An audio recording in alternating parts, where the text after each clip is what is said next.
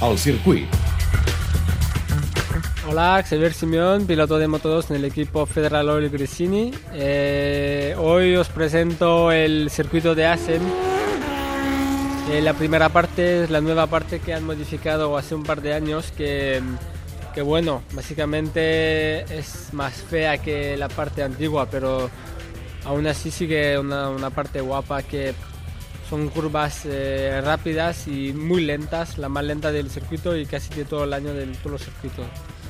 Luego llegamos en el segundo sector, que es una parte muy rápida con una curva que se hace a fondo de sexta, con un cambio de dirección muy, muy rápido hacia una curva en tercera, que ahí lo han modificado también estos dos últimos años para, para controlar un poco la velocidad, era más lento hace dos años y lo han vuelto a hacer más rápido es una parte muy chula.